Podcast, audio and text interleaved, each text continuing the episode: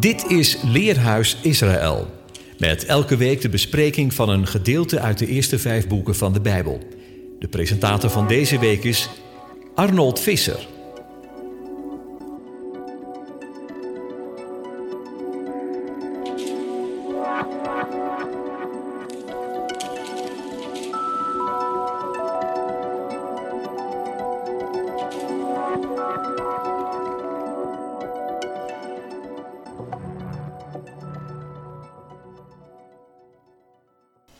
Beste luisteraars, hartelijk welkom bij weer een uitzending van het Leerhuis. In de parasha die we vandaag gaan behandelen staat Wayislach op het programma. Wayislach staat in het Hebreeuws voor en hij, en hij is in dit geval Jacob, en hij zendt. Het is de achtste lezing in onze jaarlijkse Torah-cyclus.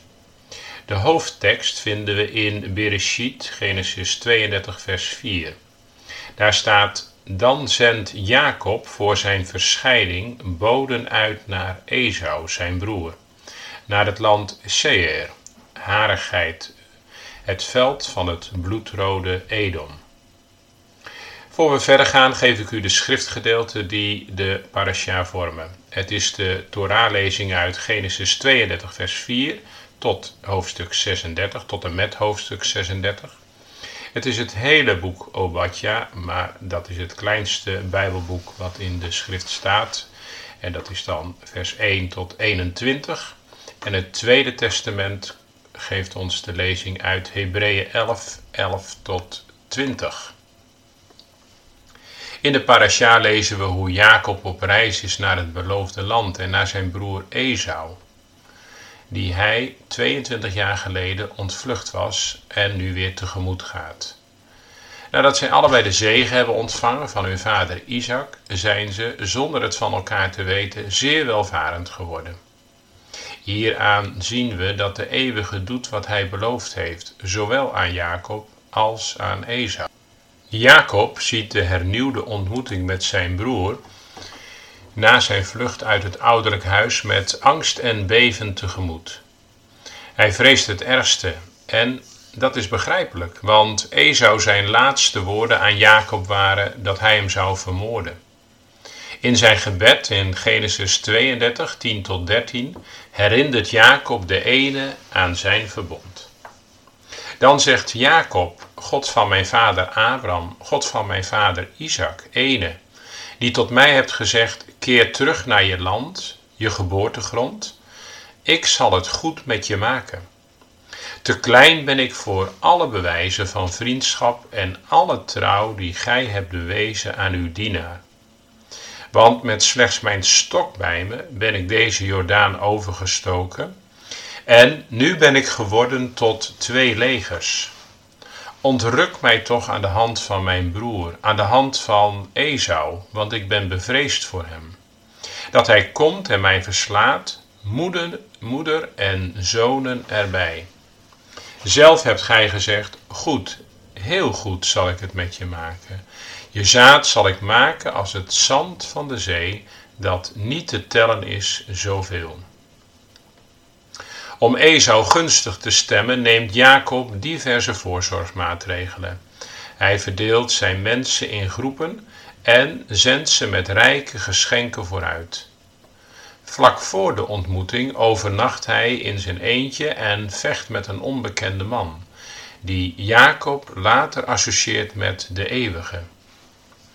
Met vele zeven buigingen loopt hij Esau tegemoet en deze sluit hem in zijn armen, kust hem en samen huilen ze. Als Esau aandringt om samen op te trekken, wijst Jacob dit af. De wegen scheiden weer. Jacob slaat zijn tenten op bij Sichem, een plaats die we vaker in de schrift tegenkomen. Vervolgens lezen we dat de prins van deze stad wil trouwen met Jacob zijn dochter Dina. Dit nadat hij gemeenschap met haar heeft gehad. Ogenschijnlijk stemmen de zonen van Jacob hiermee in. Indien de mannen zich echter eerst laten besnijden. De prins en de mannen gaan akkoord, maar met deze list echter nemen Simeon en Levi, de broers van Dina, op de derde dag na de besnijdenis wraak. De mannen die nog ziek waren van de besnijdenis brengen ze om en vervolgens plunderen ze de stad. Jacob is hier zeer ongelukkig over. Maar de ene zegt dat Jacob verder moet trekken en vervolgens slaat hij zijn tenten op bij Bethel, huis van God. Dat is ook de plaats waar Deborah, de voedster van Rebekka, overlijdt. Daar brengt Jacob ook offers en neemt hij maatregelen tegen afgoderij. In Padan Aram laat de Eeuwige zich opnieuw aan Jacob zien en zegent hem. Wederom zegt de Eeuwige dat zijn naam niet langer Jacob is. Hij ligt de hiel, maar Israël, strijder voor God. De ene geeft hem de zegenrijke belofte voor het volk en de volkeren. Er staat: Ik ben God, de Almachtige. Draag vrucht en wees overvloedig.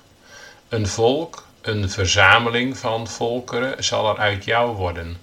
Koningen zullen uit je lendenen voortkomen. Het land dat ik heb gegeven aan Abraham en aan Isaac geef ik aan jou. En aan je zaad na jou zal ik het land geven. Dan stijgt God op van hem in het oord waar hij hem, met hem heeft gesproken. Verder trekkend komen ze in Efrata's velden bij Bethlehem, het brood, het geboortehuis van het brood des levens. Het is ook een plaats van droefenis voor Jacob, omdat daar Rachel, Jacob's zeer beminde vrouw, het leven laat in het kraambed. Stervende zegt zij nog Benoni, ongelukskind. Maar Jacob roept het uit, Benjamin, lievelingszoon waarmee de zonen, de stammen van Israël gevormd zijn en een twaalftal worden. Nog één keer lezen we over een hereniging tussen de broers Jacob en Esau. Samen staan ze aan het graf van hun vader Isaac, die de gezegende leeftijd van 180 jaar bereikt. De Toledot, de geboorte uit Esau, hij die de vader is van Edom, sluit de Torahlezing af.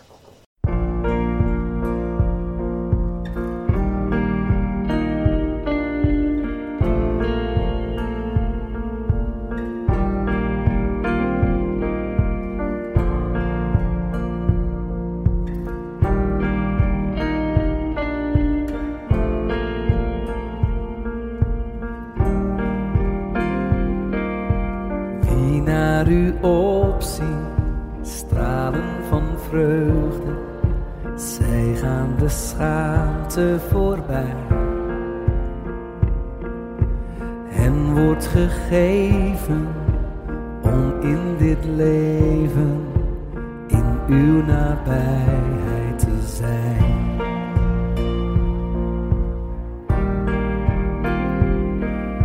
Zij die u zoeken vinden bescherming, ook als de nacht hen benauwt. Uw licht zal schijnen, zelfs in het duister, zien zij uw liefde en trouw. U tilt mij op, Heer, hoger, weg van waar ik was. U trekt mij dichter naar waar ik hoor, hier aan uw vaderhart.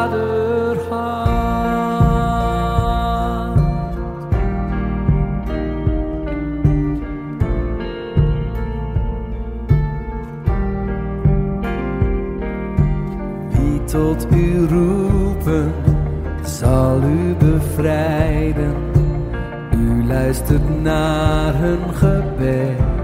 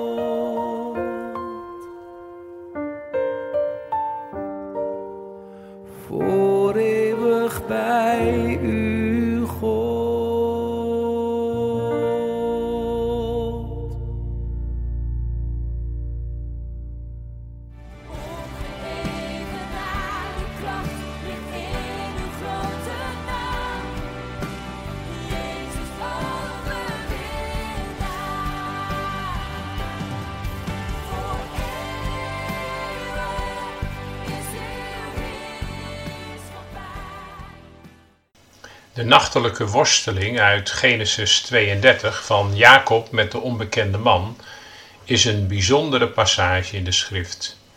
Jacob is alleen in de nacht achtergebleven bij de Jabok. En daar, daar wordt hij plotseling overvallen door een man en ontstaat er een gevecht. En dat gevecht duurt en duurt. De hele nacht strijden ze met elkaar. Pas toen de dageraad aanbrak, stopte de strijd. In dit bijzondere verhaal komen we voor het eerst bij de naam Israël. De man met wie Jacob streed geeft hem bij het ochtendgloren een nieuwe naam, Israël. Want, zo zegt hij, je hebt met God en met mensen gestreden. Niet alleen wordt Jacob zijn naam gewijzigd, ook lichamelijk wordt hij aangeraakt. Dusdanig dat hij vanaf die dag mank gaat, doordat zijn heupspier wordt verlamd. Tot die tijd vaak strijdend in eigen kracht, gaat Jacob, schuine streep Israël, kreupel de nieuwe dag in. De nachtelijke sfeer lijkt veel voor ons verborgen te houden. Waarom vechten deze beide mannen eigenlijk? Wie is die strijder tegen wie Jacob het op moet nemen? Waarom wordt aan het einde van een uitputtende strijd Jacob een nieuwe naam gegeven?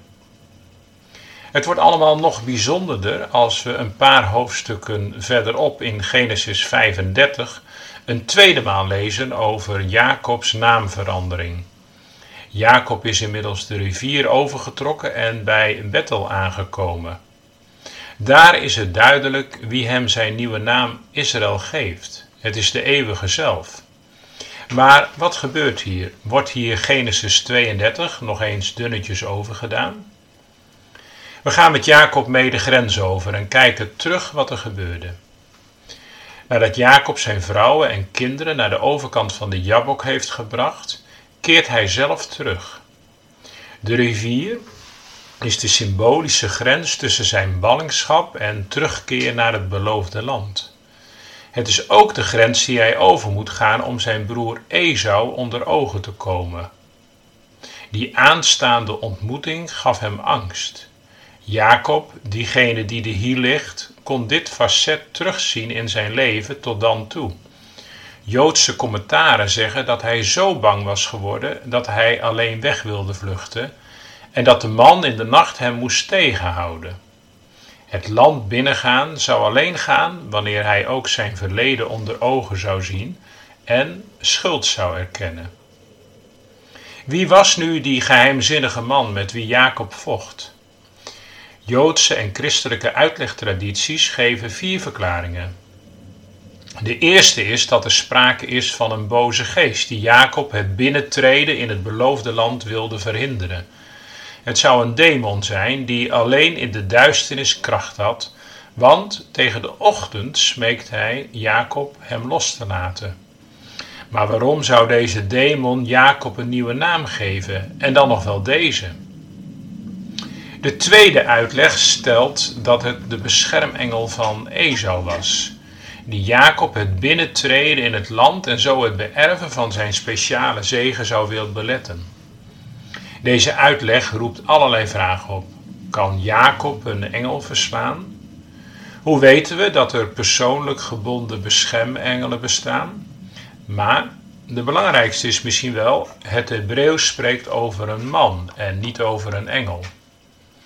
Dat maakt ook de derde optie minder waarschijnlijk, namelijk dat het een engel van God of zelfs de engel des Heren is geweest.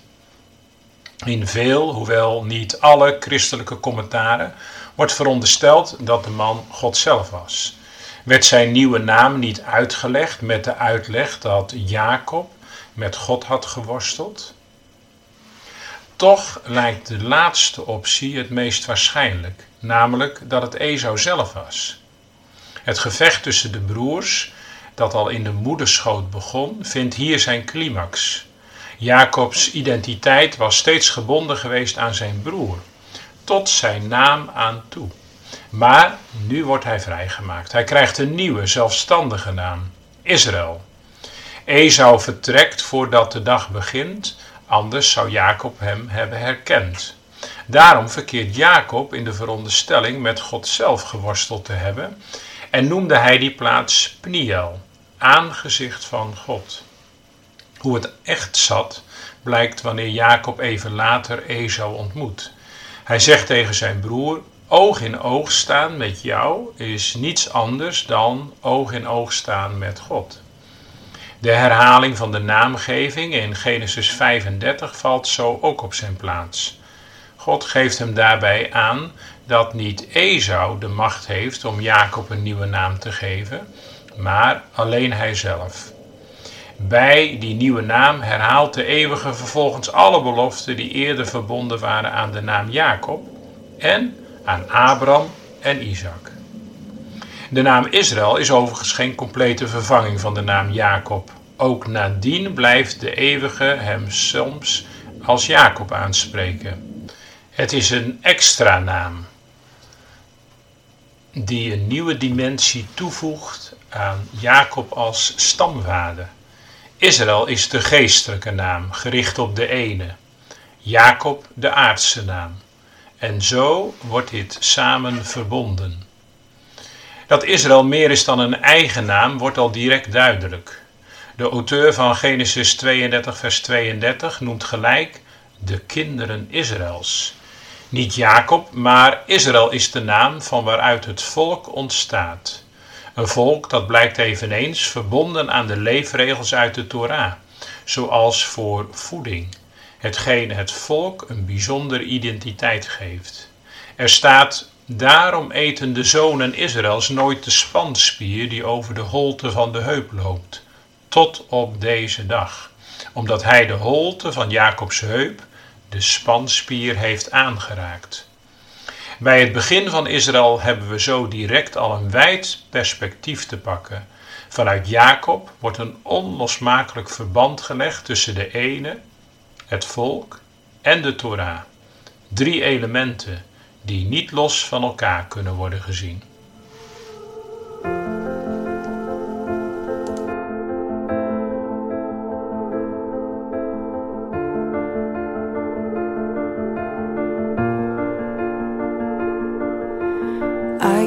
Fighting voices in my mind that say I'm not enough.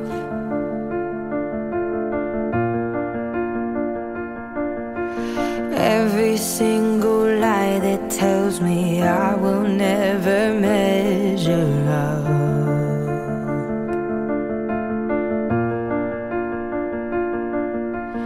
Am I more than just the sum of every high and every low?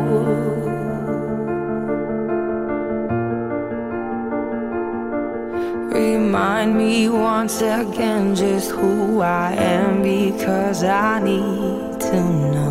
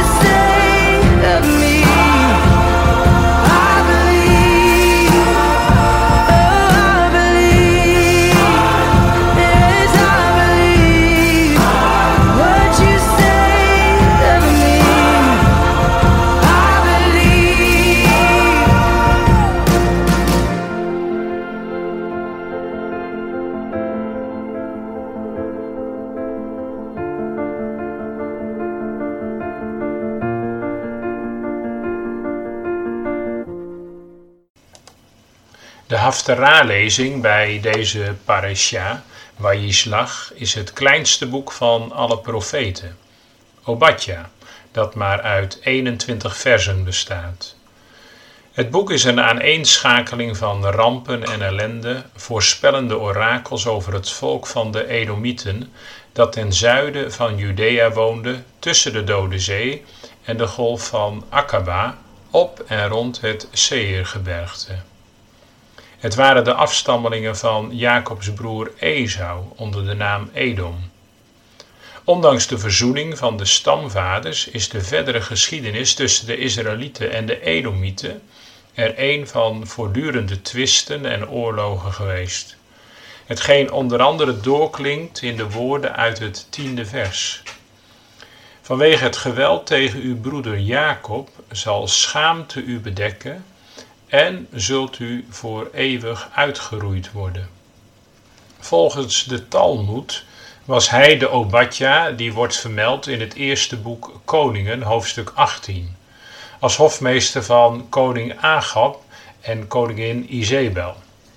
Hij was een zeer vrome man. Obadja, zijn profetische gaven, zien we terug aan zijn hulp aan de door Baal vereerster Izebel vervolgde profeten.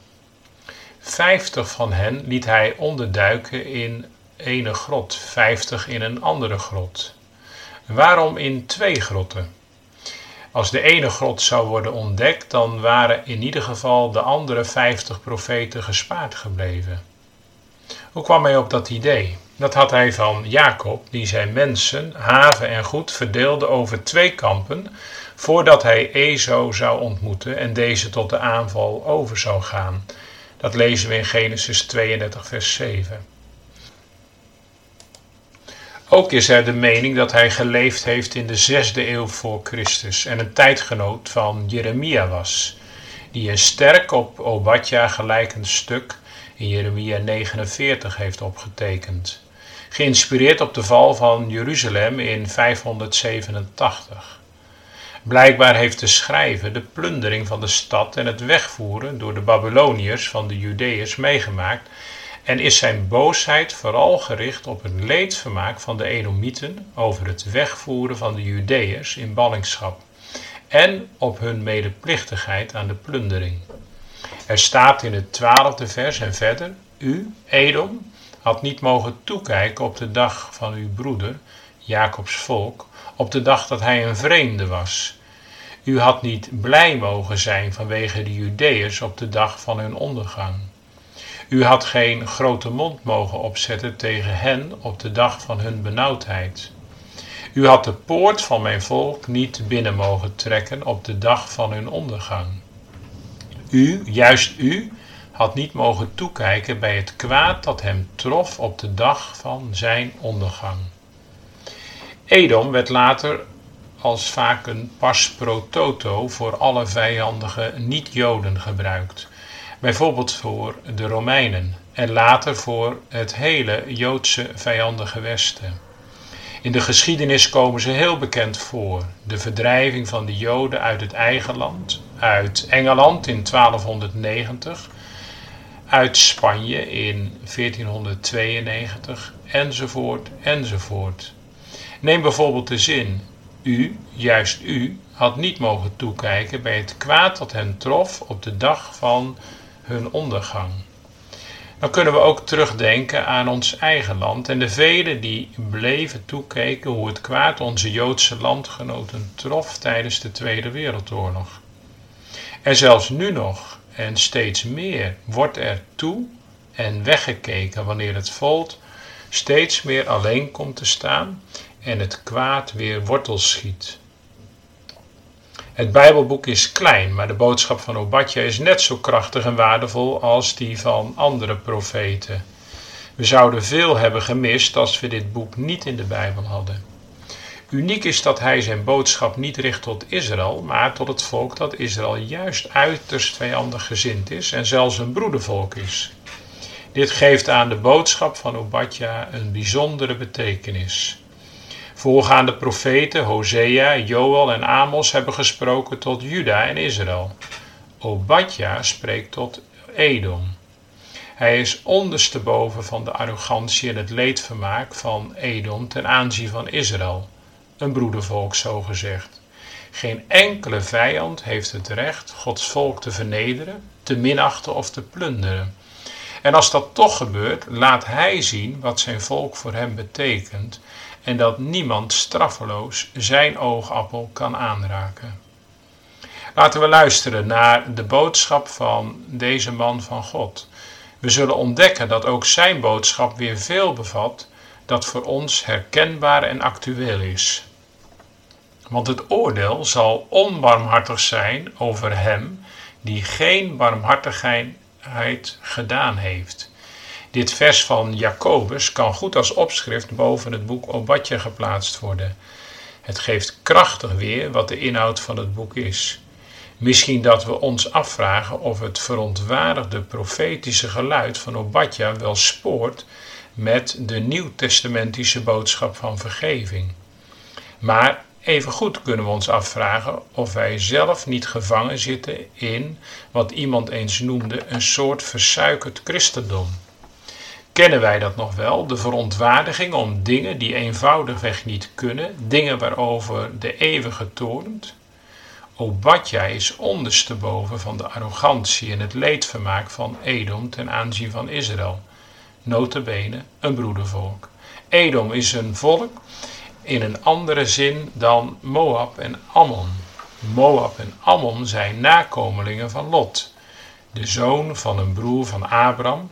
Het is een ander broedervolk dan de Ismaëlieten, want die stammen wel van Abraham af, maar niet van Sarah.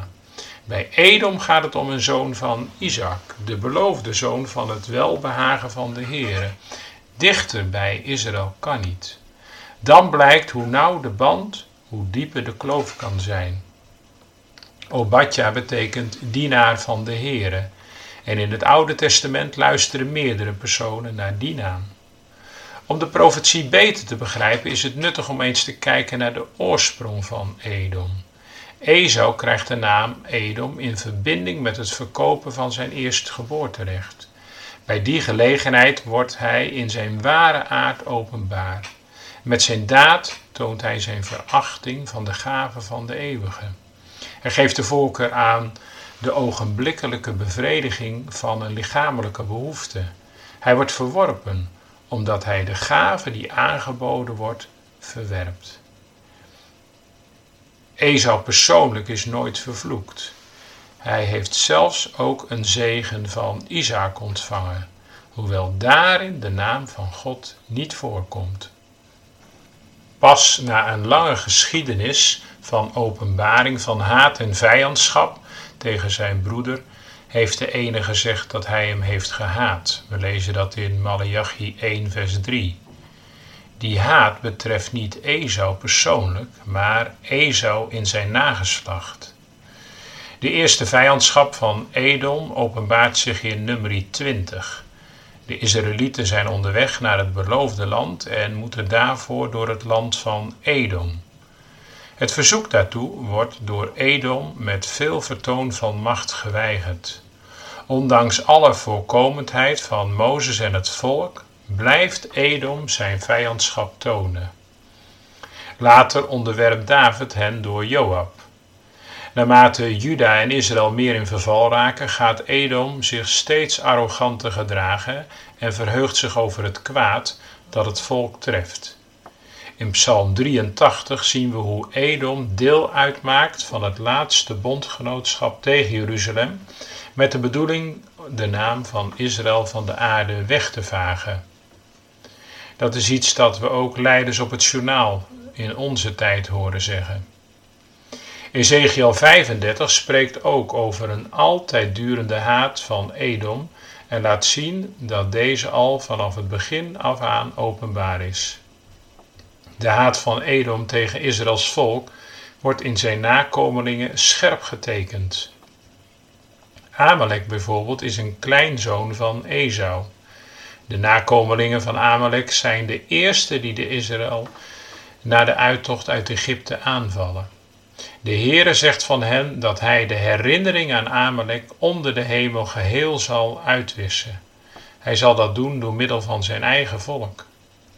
Er zijn nog enkele Edomieten die van zich doen spreken. Zo is daar Haman, de Agagiet, die maar één ding voor ogen heeft en dat is het uitroeien van het Joodse volk. De naam Agag is de titel van de koningen van Amalek. Ook horen we de Edomiet Doeg, die 85 priesters van de Heere vermoordt en de priesterstad Nop uitmoordt. De haat van Edom en zijn moordzucht kenmerkt zich ook in de familie van Herodes. Herodes de Grote is een Edomiet. Hij is berucht door zijn kindermoord in Bethlehem. Zijn zoon Herodes Antipas laat Johannes de Doper onthoofden. Een andere zoon, Herodes Agrippa I, doodt Jacobus en hij wilde ook Petrus doden. Als de ene zich tegenover zijn volk opstelt, handelt hij hen naar zijn rechtvaardige eisen. Hij wijst hen op hun afwijking en tuchtigt hen voor hun zonde. Maar tegenover de vijand komt hij altijd op voor zijn volk. We lezen dat ook in Psalm 105. Het is alsof de eeuwige door de houding van de vijand wordt uitgedaagd tot het geven van een getuigenis van wat zijn volk voor hem betekent. Elke aanval van de vijand brengt naar voren wat er in zijn hart is voor de zijne. Als zijn hart zich opent over de zijne, horen we de mooiste en de meest verheven dingen. Dat zien we bovenal in zijn zending, hij die zond, slag, zijn eigen enig geboren zoon voor ons. Wie is aan de eeuwige gelijk met zijn redding en verlossing voor volk en volkeren? De Hebreeënbrief zegt ons dat het geloof de zekerheid der dingen is die men hoopt en het bewijs der dingen die men niet ziet. Bijbels geloof is zekerheid. Denk bijvoorbeeld aan Abraham. Hij geloofde in de belofte dat hij een zoon zou krijgen. En de jaren verstreken en hij merkte dat zijn eigen lichaam verstorven was en dat Sarah, naar de mens gesproken, geen kinderen meer kon baren. Toch had hij zekerheid en die zekerheid was gebaseerd op zijn belofte en niet op wat hij zag of voelde. Daardoor is ook het geloof een bewijs van de dingen die men niet ziet. Het bewijs kwam toen Isaac geboren werd, maar de zekerheid dat hij geboren zou worden was er al voor die tijd. Want door dit geloof is aan de oude een getuigenis gegeven. Door het geloof verstaan wij dat de wereld door het woord van de ene tot stand gebracht is, zodat het zichtbare niet ontstaan is uit het waarneembare.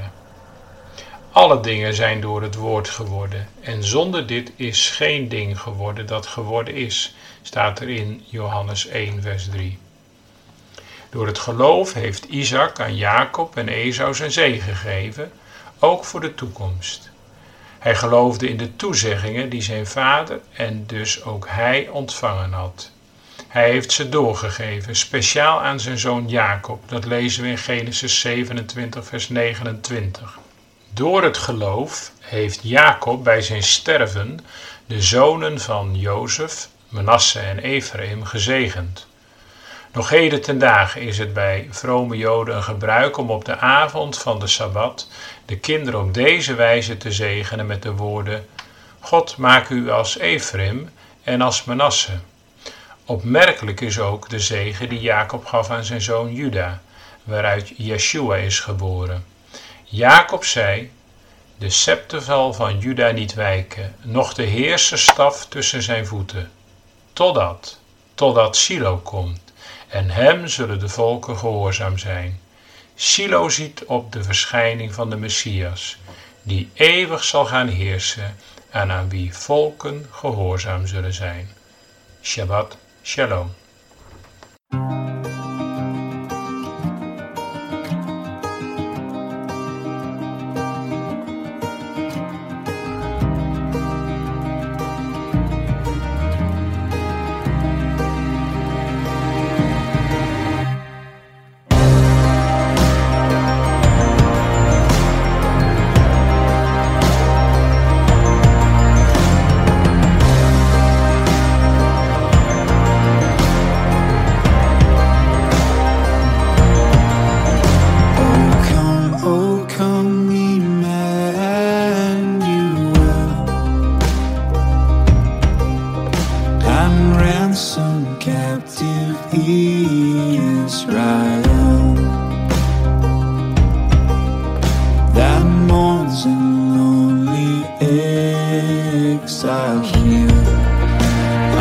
Until the Son of God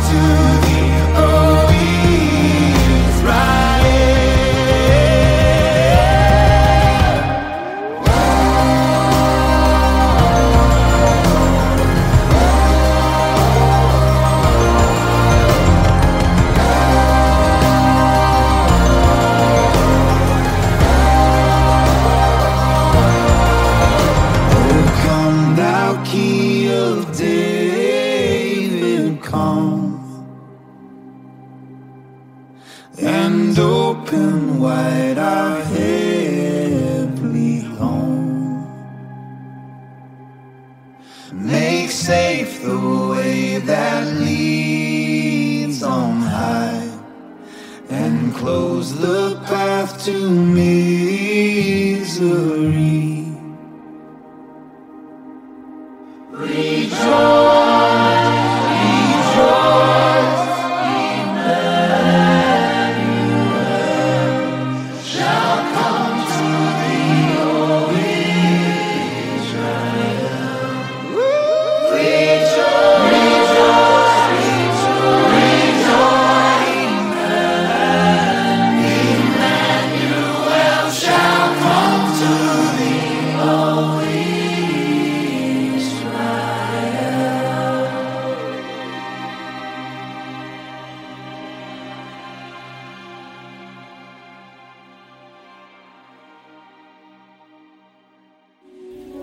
Luisterde naar het programma Leerhuis Radio Israël.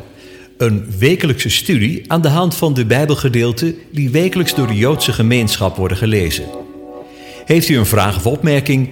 Stuur dan een e-mail naar info-apenstaatje radioisrael.nl. Het leesrooster vindt u op onze website. Ga naar radioisrael.nl en klik onder het kopje radio op programma's.